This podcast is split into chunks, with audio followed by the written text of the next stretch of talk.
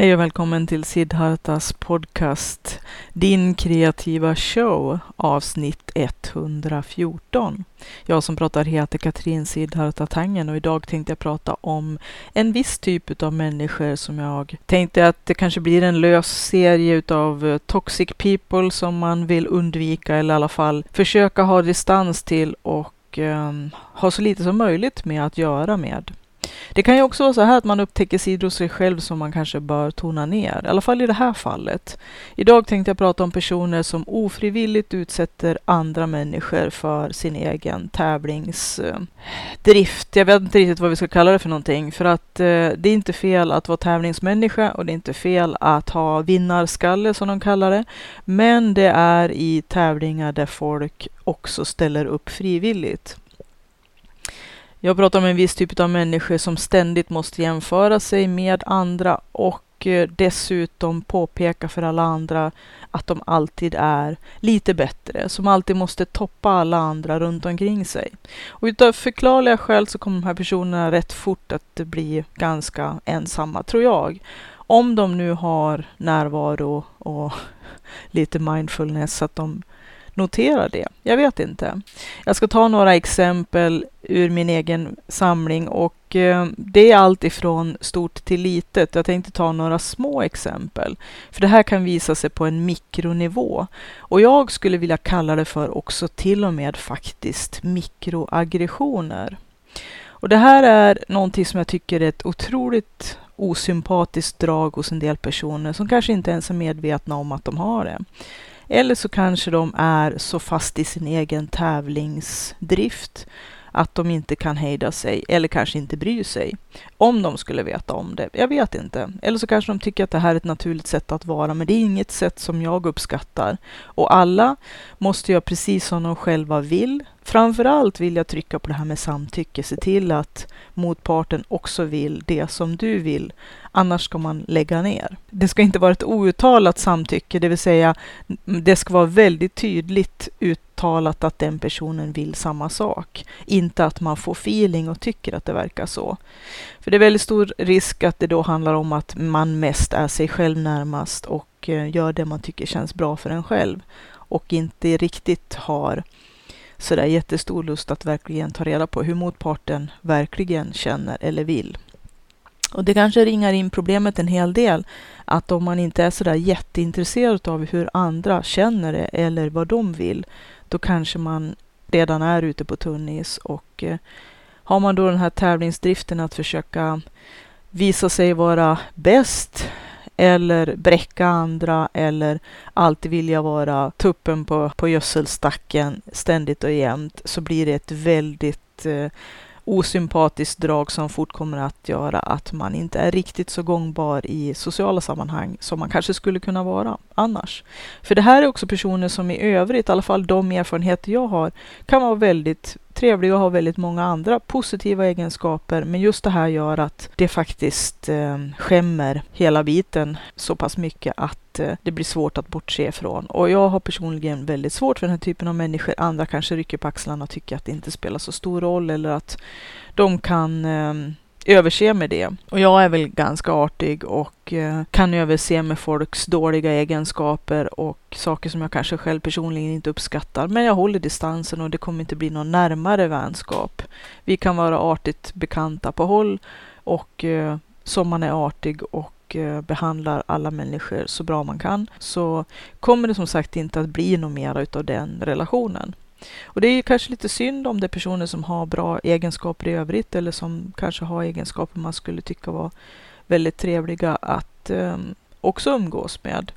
Men eh, det här tycker jag gör att jag tappar fullständigt lusten. Men jag ska ta mina exempel innan jag går in på lite djupare detaljer.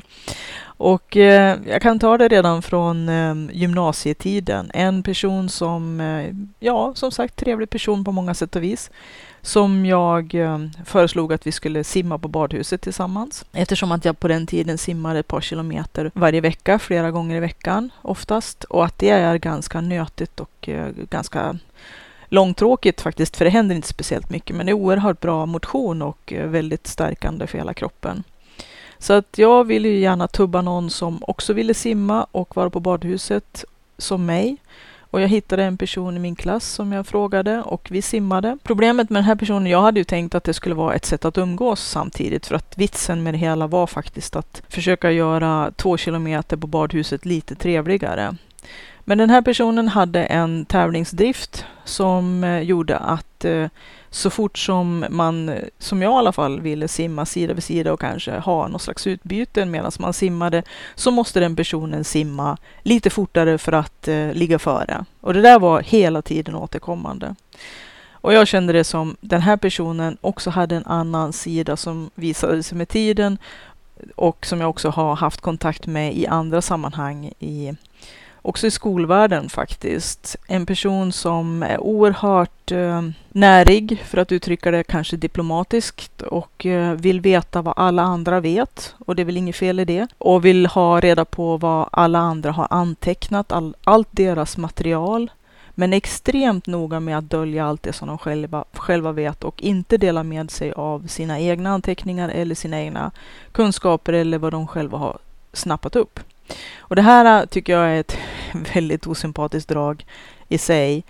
Och det är klart att man kan ju då hävda att en del strider om eller fightas för att få så bra betyg som möjligt, men det här är väldigt fel sätt. Och då kan ju en vän av ordning kanske hävda att det är ju faktiskt så att eh, trots allt är betygssättningen i skolan och skolan i sig en slags konkurrenssituation, även om att man officiellt vill att det ska handla om samarbete och det ena med det andra. Men jag kan i alla fall säga så här att min son han har A rakt över hela linjen och och eh, jag har märkt att han samarbetar och hjälper många av sina arbets, arbetskamrater, tänkte säga, skolkamrater med skolarbete. Att de sitter och, och gör skolarbete tillsammans över Skype och via datorn och så här. Att han är väldigt, väldigt eh, mån om att ge den information och hjälpa sina kompisar som kanske inte är lika intensiva i sitt skolarbete som han har varit, för han har kämpat som en gnu för att få de här betygen. Det är ingenting som han har fått, utan han har jobbat och jobbat och jobbat. Men han har eh, inte för den delen sett det som ett hot att eh, samarbeta, dela det han vet och eh, hjälpa andra med skolarbetet, vilket han har gjort regelbundet hela tiden. Och jag tänker som så att det har inte påverkat hans betyg ett dugg. Han får de betyg som han förtjänar och ska ha i alla fall. Om man nu vill hävda att det här med att eh, försöka skaffa all information för egen del och eh, göra det på andras bekostnad för att man är så mån om att försöka få bästa möjliga betyg själv så kan jag säga att det inte riktigt stämmer och att eh, förmodligen så skulle den personens betygsgrader inte påverkas särskilt mycket av att de försöker skydda det de själva vet eller kan. Och att det enda som egentligen händer det är att man blir utestängd. För att den här personen ganska fort gjorde sig omöjlig hos folk som faktiskt, det, är ju, det kan ju komma som en överraskning att om man inte delar Sharing is caring, som jag brukar säga. Om man inte delar med sig på samma vis som man själv får ta del, så brukar det oftast leda till att man blir utestängd, eftersom att ensidiga relationer där det bara är en person som tar och andra aldrig får, kommer inte i längden att bli speciellt hållbara. Den här typen av personer brukar vara ganska duktiga på att hitta nya som de kan mjölka, så att säga, tills att de också upptäcker hur den här dynamiken fungerar och eh, distanserar sig, drar sig undan och slutar lämna ifrån sig det som den här personen då vill ha. Eftersom att de vet att det bara kommer att bli ett ensidigt arrangemang. Så den här personen hade tävlingsdriften och också en ganska ful egenskap att vilja ha men inte ge och det brukar snabbt leda till social isolering och eh, distansering från andra så fort de märker det här. Det är lite tråkigt faktiskt. Men det är den personen själv som lider mest av det. Jag insåg efter ett par gånger på badhuset att den här personen var inte rätt för mig att simma med för att själva vitsen med att simma tillsammans med en annan person var helt och hållet förfelad för att jag ville ha trevligt sällskap och göra två kilometer på badhuset trevligare och att eh, det fanns inga tävlingsinslag i den här eh, verksamheten för mig. Det handlar om motion som jag ville göra trevligare och eh, en eh, sak som jag gjorde helt och hållet tävlingsbefriat.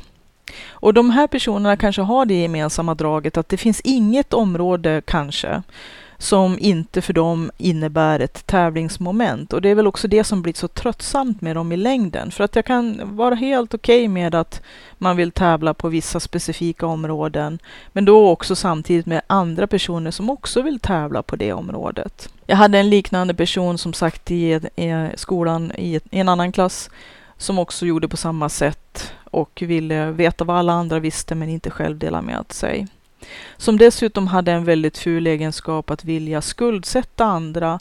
Så fort som den personen eh, gav någonting till någon så var väldigt noga med att hela tiden poängtera att den personen hade fått någonting och hur mycket det kostade och så vidare och så vidare. För att få små hakar på andra personer.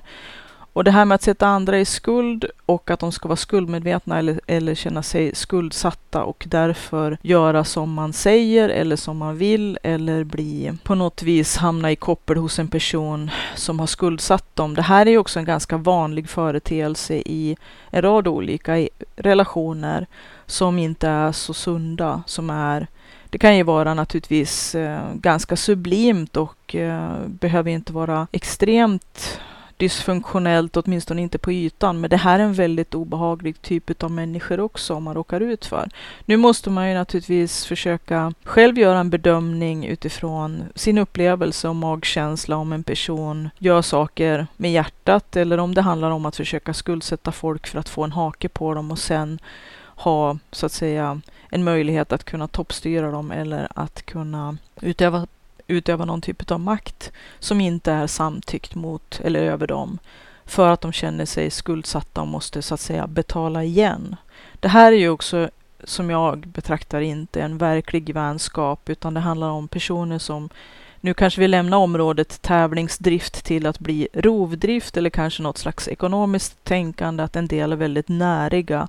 Att eh, det kanske handlar om, om man vill spetsa till det, om att exploatera andra människor. Och det är ju en glidande skala hela tiden. Både det här med tävlingsdriften, ibland kanske den kan vara lite skärmig. Personer som, så länge de är goda förlorare och inte blir riktiga svinpälsar eller riktigt dåliga människor eller sänker stämningen och speciellt inte de som sänker stämningen över lång tid för att de är dåliga förlorare och eh, långsinta och sådär, så kanske det är okej. Okay jag vet inte, alla måste naturligtvis göra som känns bäst för dem. En del kanske är ganska så, mm, har ganska tjockt skinn och kanske inte bryr sig så mycket. Men jag tror att det kanske också är lätt att uh, lite för mycket mm, släta över de här sakerna och att inte konfrontera kanske. Att vi svenskar speciellt är rätt flata, att vi inte säger ifrån.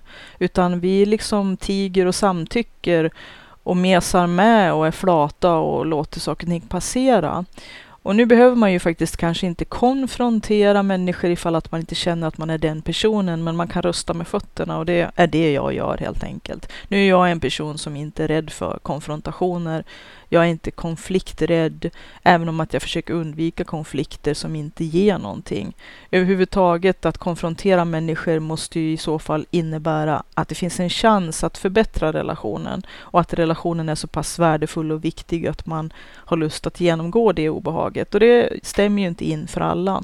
Andra sidan kan man ju vända på det och säga att personer som man inte är speciellt starkt förbundna med och att man inte har så himla mycket att förlora. Nu be behöver man ju faktiskt inte vara otrevlig eller vara, vad ska man kalla det, um, obehagligt uppriktig och ärlig mot människor som man faktiskt kanske inte har någon business ihop med överhuvudtaget och där det egentligen inte spelar någon större roll att eh, skapa scener eller starta konflikter eller hela tiden eh, ja, vara obekväm bara för att vara obekväms skull, det ser jag väl inte riktigt kanske som någon vits heller. Det är ju hela tiden är det ju liksom en glidande skala om eh, att eh, kanske inte köpa folks skit rakt av, att eh, som jag brukar säga call bullshit när man ser den och eh, inte vara en flat svensk samtidigt som att i andra änden av skalan så finns det de som är konfliktparasiter och ständigt vill starta konflikter för att de känner sig mera levande och får adrenalinkickar utav att hålla på och jävlas. Och så har man troll och narcissister och så vidare i den yttersta extrema kanten utav den här skalan. Och som sagt, man måste hela tiden titta på vad den här personen betyder i ens liv och om det finns någon möjlighet att fixa en relation eller göra någonting bättre genom att eh, vara ärlig och rak helt enkelt. Och i vissa fall kanske man bara känner att det inte har någon större betydelse. Att eh, antingen kanske man inte kommer att nå fram till personen eller att den här relationen eller personen är bara en ytlig bekant och man kan rösta med fötterna som sagt. Och att det är ju deras egen eh, business ifall att deras beteende gör att folk drar sig undan och sådär. Sen kan man ju också naturligtvis ta exempel med att om en person har spenat mellan tänderna eller har gylfen öppen så kanske den personen gärna på ett eh, helst eh, diskret och smidigt sätt blir upplyst om det och kan slippa gå omkring så ifall att man skulle tycka att det var jobbigt. Så det är ju hela tiden en en glidande skala mellan eh, olika ytterligheter och eh, var man hamnar någonstans där får man ju försöka själv att styra och eh, bedöma. Det blir ju lite grann utav en eh, cost-benefit-analys i alla sammanhang. Är det värt att dra igång det här och varför? Samtidigt som om man nu gör det så måste man ju faktiskt också fullfölja och stå för det. Jag tänker på det här, en liknelse som med barn, att eh, jag har ju i olika kapaciteter varit ledare och eh, även förälder och i olika sammanhang haft eh, ansvar för andra personer, både vuxna och mittemellan och, och barn. Att eh, i vissa fall så när man vet att man inte kommer att vara konsekvent, då är det lika bra att eh, inte dra igång en massa saker för att om man inte tänker fullfölja då är det liksom inte värt besväret för det kommer bara att leda till inflation. Och nu ska man ju inte ta det som en intäkt för att fuska sig förbi eller släppa allt. Utan man måste helt enkelt välja sina strider, det är väl det det handlar om. Och det är väl det jag försöker förmedla. Men ibland om det är personer som man kanske vill ge en chans och som man känner att de här är tillräckligt eh, viktiga eller bra för mig att jag ändå vill försöka arbeta på vår relation och det är ju faktiskt fint att uh, arbeta med sina relationer och att kommunicera. Det är klart att man måste också naturligtvis vara öppen för att den personen inte kommer att dela ens uppfattning och att man måste försöka vara pedagogisk och lägga upp det på ett sådant sätt att det inte blir kränkande eller på fel sätt. Ja, det är ju det här med relationer och kommunikation. Det är lätta ord att säga men ganska svåra i praktiken. Jag vet inte de här tävlingsmänniskorna, de som har den här tävlingsdriften som på något vis kletar över sig på precis allt runt omkring dem själva, att de ska tävla med allt och alla om precis allt och allt. Det vet jag inte riktigt, kan man komma åt? Kan de göras uppmärksamma på att det här är en ganska osympatisk personlighets eh, egenskap som de har eller att kanske bara en ovana. Det kan ju också vara så att det finns, att man lägger sig till med ovanor, att vissa saker går på slentrian. Att man kanske håller på med en massa rätt fula kommentarer och gifttaggar och små stick som man kanske inte reflekterar över för att det går bara utav farten. Så att man kanske inte reflekterar över att det handlar om mikroaggressioner, att man får folk att må dåligt i mer eller mindre grad på ett sätt som är ganska meningslöst och kast faktiskt, rent ut sagt. Om det nu inte är det som är ens mening och då har man kanske anledning att misstänka att man kanske ligger någonstans på den här äh, narcissistskalan som vi alla i någon mån ligger lite i, det är en glidande skala där också vart man befinner sig. Men att eh, det finns ju alltid anledning att se på sig själv och ransaka sig själv och fundera vad kan jag förbättra? Ständiga iterationer. Ingen människa är perfekt och vi gör inte alltid rätt och det är ganska svårt att vara människa och relationer och kommunikationer inte minst är ganska svårt. Men vissa ovanor eller olater eller saker som bara är allmänt påträngande och framförallt när det sker mot andra människors eh, inte samtycke. De har inte samtyckt att bli utsatta för saker som är ganska otrevliga eller osympatiska. Jag ska ta ett annat exempel också. En person jag var på fest som i övrigt också har väldigt många fina egenskaper och jag är en person som, jag vet en vän sa till mig att hon har aldrig träffat en människa som är så positiv som jag är och jag är verkligen en sån här person som är väldigt positiv. Jag försöker hitta lösningar på alla problem. Jag försöker hela tiden att tänka ur den bästa möjliga vinkeln för att att eh, kunna, ja, helt enkelt fungera så bra som möjligt. Och så mitt motto är göra det mesta möjliga utav det som jag har just nu. Alltså att hela tiden göra bästa möjliga av situationen oavsett hur bra eller dålig den är. Och alltid är ju kanske inte situationen den bästa eller ens förutsättningar eller det man har till hands sådär superbra men att ändå försöka göra det bästa möjliga även om att det kanske är både surt och, och sumpigt på många sätt. Och det värsta jag faktiskt vet det är det här talesättet att gilla läget. Jag har utvecklat en genuin motvilja mot just det uttrycket. Och jag är inte riktigt någon förespråkare av att gilla läget men däremot att försöka göra sitt läge så bra som man bara kan med de, de medel som finns till hands helt enkelt. Och det är inte alltid lätt och jag har mina dåliga dagar och mina blue days och upp och ner och eh, vi är som sagt bara människor allihopa. Men att vi kan ständigt försöka bli den bästa möjliga versionen av oss själva i varje läge. Och det varierar. Har man en sämre dag är man kanske på en nivå och har man en bra dag är man på en annan nivå. Men att eh, över hela linjen försöka lyfta den här nivån till att bli bättre och bättre och hitta sina egna mekanismer. Jag är ju mycket inne på det här med att försöka hacka runt sin egen hjärna, att hitta lösningar och sätt att komma runt saker som kan vara ganska svårt och som vi är ganska så har ett ganska så starkt inbyggt motstånd mot. Att vi, vi är vanedjur, vi försöker alltid hitta den snaraste vägen, att vi försöker många gånger välja saker som är minsta motståndets lag, som är bekvämast just nu, men som kanske på sikt inte är så där jättestrategiskt eller smart. Att det är lätt att ta till taktiker för att slippa ta tag i helhetsproblemet. Göra det bästa möjliga hela tiden i varje givet ögonblick efter sina förutsättningar och efter det som finns till hands. Det är alltid min, min utgångspunkt. Och sen varierar det hur dagsformen och hur olika saker samspelar eller inte samspelar.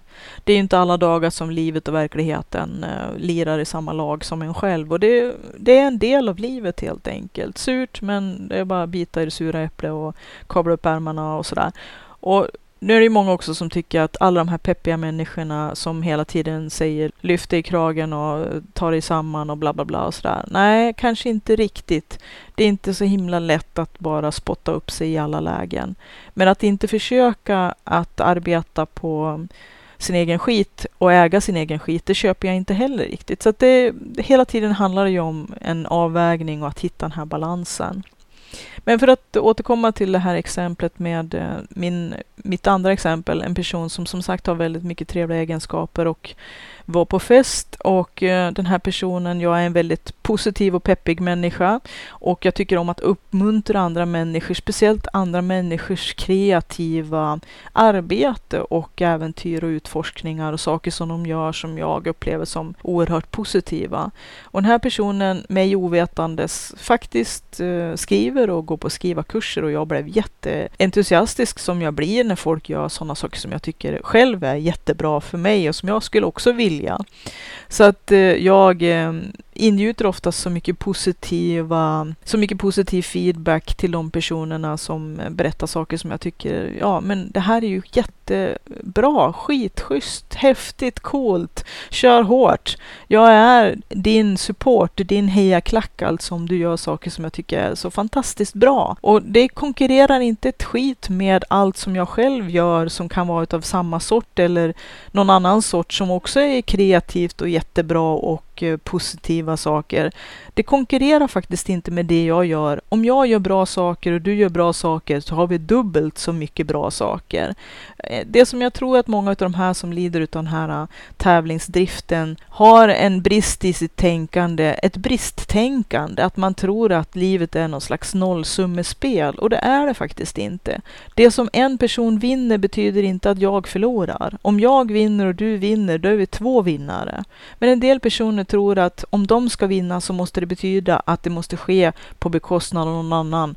Att någon annan måste förlora för att de ska vinna. Nej, livet är inte ett nollsummespel, tvärtom. Att om jag vinner och du vinner och vi två tillsammans så kanske ett plus ett inte blir två utan det kanske blir fem. Och det är det här bristtänkandet som jag känner att man kanske måste ta itu med i sin grund, ifall att det nu beror på det. En del personer kanske bara är, har den här tävlingsdriften för att de på något vis får någon kick utav att känna sig som att de står på toppen av andras huvuden eller vad det nu är för någonting, vilket är en väldigt osympatisk egenskap i så fall. Jag är mera för samarbete, och lyfta och hjälpa och supporta och bygga någonting tillsammans. Hela tiden ge positiv feedback och försöka vara den här positiva kraften som ger energi och inte tar energi. För att om man ska summera det eller koncentrera hela resonemanget så för mig är de här personerna som ofrivilligt utsätter andra för sin egen tävlingsdrift, som måste tävla med allt och alla och göra det på andras bekostnad och tror att enda sättet för dem att vinna är att andra ska förlora eller vara sämre än dem,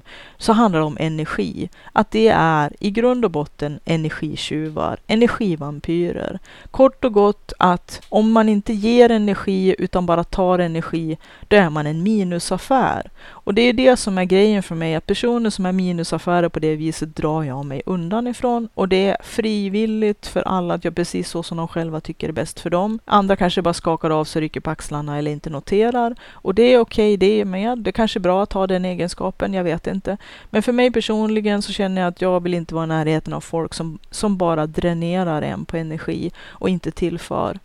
Men för att återgå till exemplet så jag blev ju jätteglad och entusiastisk och i väldigt positiva ordalag förklarade hur bra och häftigt och coolt och bra jag tyckte det här var och verkligen uppmuntra den här personen. Sen så fick jag också veta då att den här personen skrev på en bok och jag blir jätteglad för det också för alla medförfattare till mig ser jag inte som konkurrenter för vi skriver förmodligen inte om samma saker och en person kan aldrig skriva exakt samma bok som någon annan även om man skulle skriva inom samma genre eller samma område. Igen, så att någon annan gör någonting som är bra betyder inte att det jag gör är sämre, inte på något sätt, utan jag har fått en eh, person som är min kollega. Vi kan stötta varandra, vi kan vara ett nätverk, vi kan ge varandra positiv feedback och vi kan lära oss av varandra, av varandras misstag och utav varandra, det vi har kommit fram till, att vi kan dela e våra egna erfarenheter och vår egen information och kunskaper, vårt kunnande och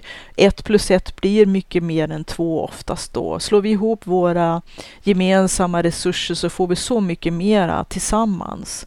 Men vissa personer för dem handlar det bara om dem, om dem själva. Och på något vis är det lite fattigt och synd och krast för att de blir oftast ganska ensamma och deras resurser är kanske bra resurser och det är deras resurser men de kan aldrig dela eller pola ihop med andra deras egna resurser för att det är deras och de är väldigt eh, kanske mån om att Eh, bevaka sina egna intressen till en grad faktiskt att även om de själva är ovetande om det så deras vilja att rivalisera, konkurrera, tävla och bevaka sina egna intressen gör att det faktiskt kostar resurser de inte kommer att få tillgång till, även om att de försöker tillskansa sig många gånger andras resurser på olika vis. Mina erfarenheter. Så att en disclaimer här att de här exemplen som jag tar är mina egna erfarenheter och Eh, mina slutsatser som jag har dragit, inte bara av de här erfarenheterna utav en rad andra också i, i samma eller liknande fall. Och att det är helt och hållet mina egna. Alla kan ha sina egna uppfattningar och sina egna erfarenheter och jag tycker att det är viktigt att dra slutsatser och lära sig av sina egna erfarenheter. Det är så som vi också kan hela tiden öka vårt eget kunskapsförråd och våra egna erfarenheter, våra, vårt eget kunnande och bli bättre och bättre själva på att vara oss själva helt enkelt. Iterationer, iterationer, iterationer. Och att eh, på något vis också kan det vara bra att lära sig de mönster hos personer som man inte funkar så bra ihop med. Och det här kommer ju att variera med jättemånga människor. För jag kan tänka så här att eh, den här personen som jag pratar om just nu, som eh, jag har inte berättat riktigt hela historien än, men vi kommer dit.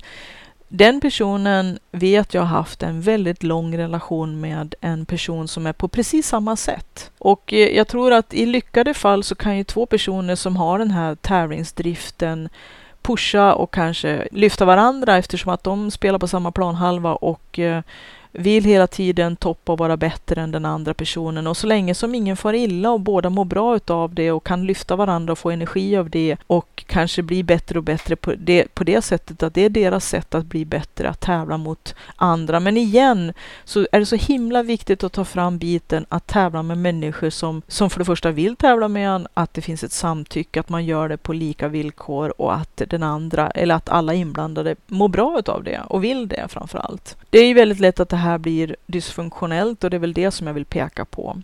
Den här personen i alla fall lever ihop med en människa som har gjort under lång tid och jag tror att de triggar varandra. Nu kan ju en annan person från utsidan aldrig veta hur en relation bakom kulisserna fungerar och hur människor mår bakom kulisserna. Jag har ju pratat ganska mycket om det här med fasader, att det är väldigt lätt att tolka allt det vi ser på Instagram och i våra sociala medier och i våra flöden och Facebook och så vidare som att vi tror att det är hur andra människor mår och hur de fungerar och vad som funkar för dem. Att vi ser bara fasaderna, det här glittriga, det som folk vill presentera och det är inte hela sanningen. Ibland kanske det är till och med en väldigt vinklad sanning som är rent ut sagt lögn. Och att vi kanske köper mycket av den här glamorösa, glittriga framsidan som de flesta vill visa upp och så, som gör att det blir lite slagsida och att det här kan ju också leda till en väldigt massa negativ jämförelsesjuka som jag pratat pratat om tidigare helt internt, att vi tror att alla andra är så lyckade och vackra och framgångsrika och bla bla bla än vad vi är. Medan i verkligheten kanske de mår skit, men att de har en tendens att kunna visa väldigt insta-ready bilder på i alla sociala medier och verkar vara oerhört lyckliga och framgångsrika och allting går så bra för dem och så vidare. Det ena utesluter ju inte det andra och det finns säkert de som verkligen är ärliga och det man ser i deras sociala flöden verkligen är hela den personen de är. Men jag tror också att många har faktiskt en, eh, internet personlighet. Den behöver ju inte vara lögn eller vara osanning, men det kanske är bara välvalda delar av sanningen. Och det är ju faktiskt inte heller fel att man, man kanske inte faktiskt vill visa hela sin eh, privata och personliga värld för vem som helst, utan man måste välja saker som man är beredd att, att visa offentligt. Och det som man har lagt ut på internet kommer ju alltid att finnas där, så det kan ju vara värt att tänka på också. Att bilder och saker man skriver kommer ju att, även om man tar bort det så kommer ju det att ha kunnat spridits och skrivits eller kopierats och skickats ut. Så att eh, om man eh, ska vara väldigt, väldigt eh, rädd om sig själv så ska man ju vara noga med att fundera på vilka saker man publicerar och varför. Men att eh, man kanske inte ska köpa rakt av över hela linjen vad andra publicerar för att de gör sitt urval och det urvalet är ju det som vi väljer för att vi vill bli. Vi skapar ju en slags eh, bild som andra ser av den som vi vill visa att vi är. Och det behöver inte vara fel, men det är som sagt inte hela sanningen.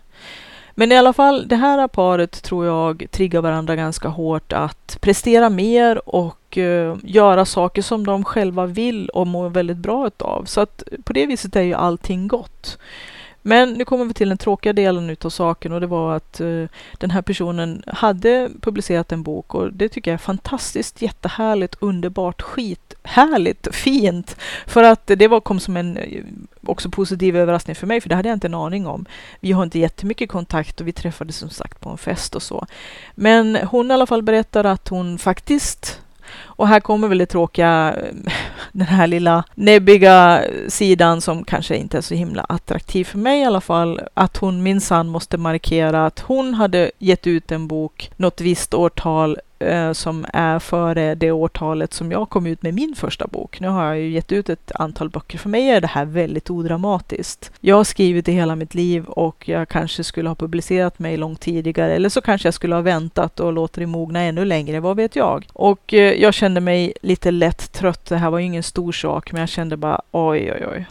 Alltså, jag är jättepositiv till den här personens alla skrivarkurser och förs försök att förbättra sig själv som skrivande människa. Jag tycker det är fantastiskt att prata med andra människor som är författande, skrivande, tänkande, utvecklande, som försöker förbättra sig själva och jobba mot mål. Och det här är jättehärligt.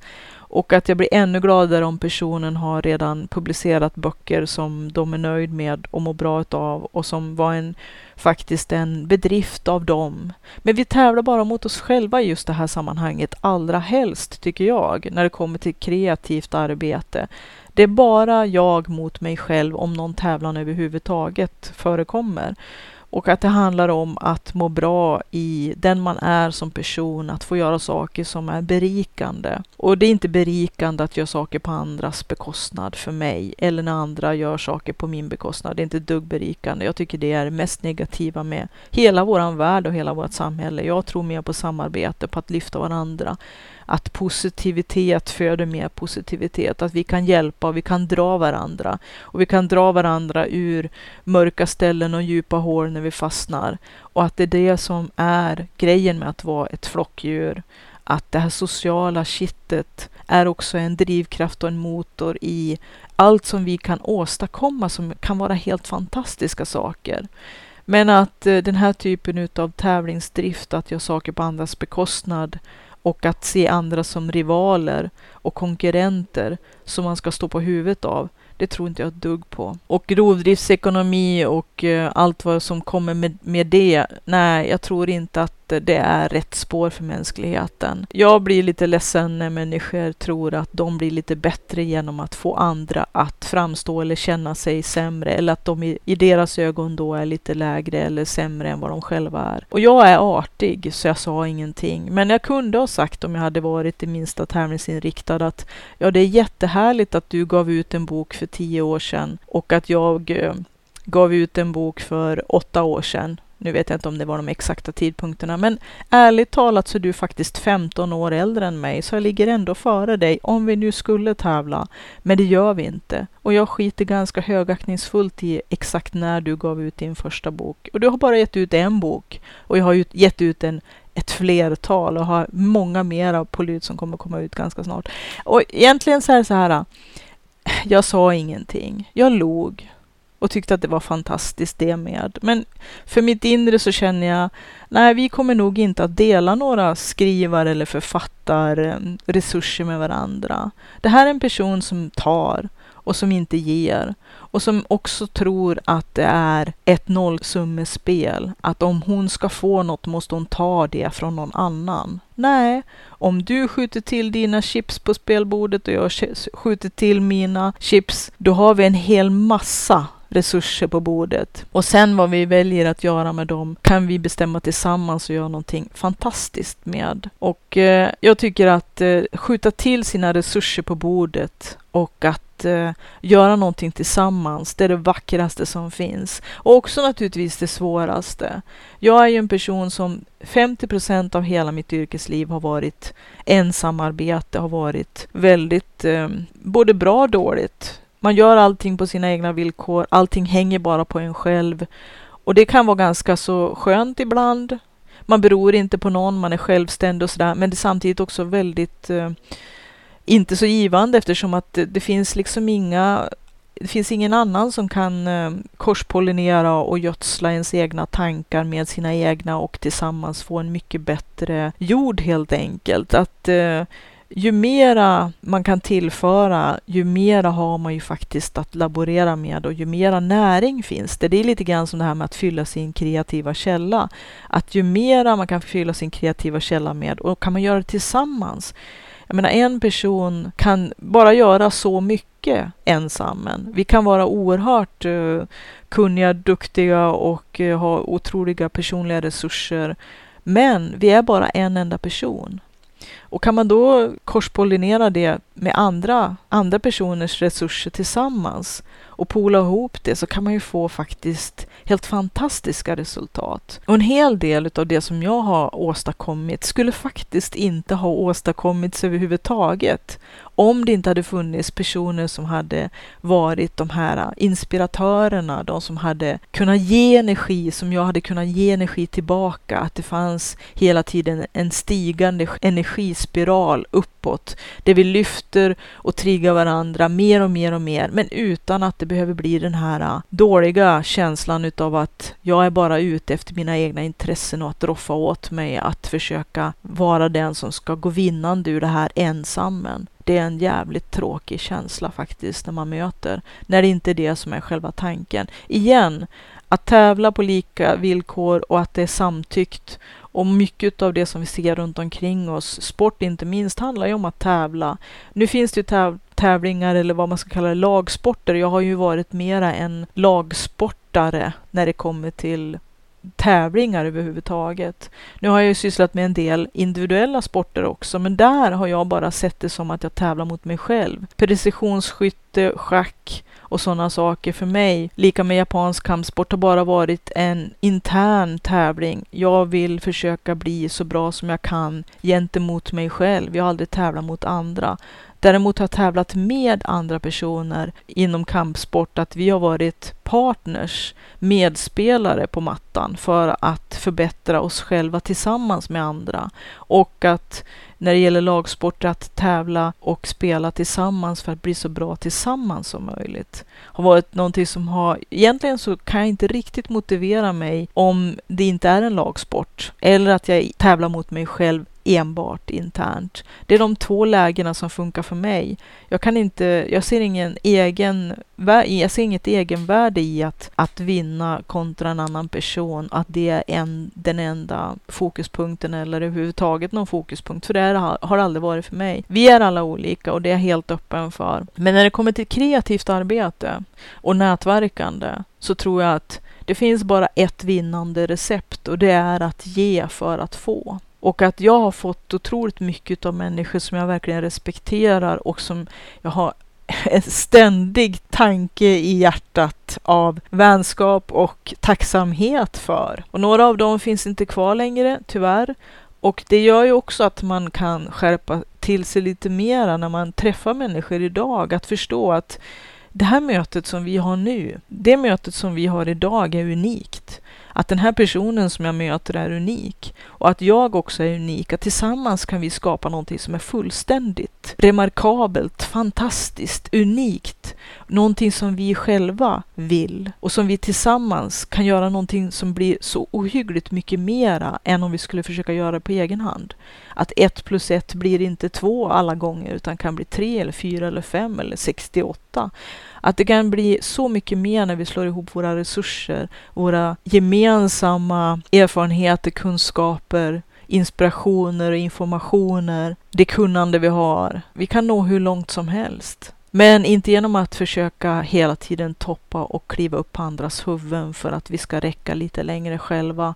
Då räcker vi bara väldigt, väldigt kort. Och framförallt så kommer vi att komma till korta när det kommer till vänskaper, till lojalitet och till eh, att att eh, kunna fortsätta utveckla de nätverk och de kontakter och de vänskaper vi har. Om vi bara tänker på den kortsiktiga vinningen så på sikt så kommer vi att stå där med Svarte Petter och det är min absoluta övertygelse. Och att eh, vi kommer inte alltid att eh, nå dit vi har tänkt och de personer som vi kanske har gjort en bedömning av behöver inte vara rätt och det kommer inte alltid att bli exakt så som vi hoppas.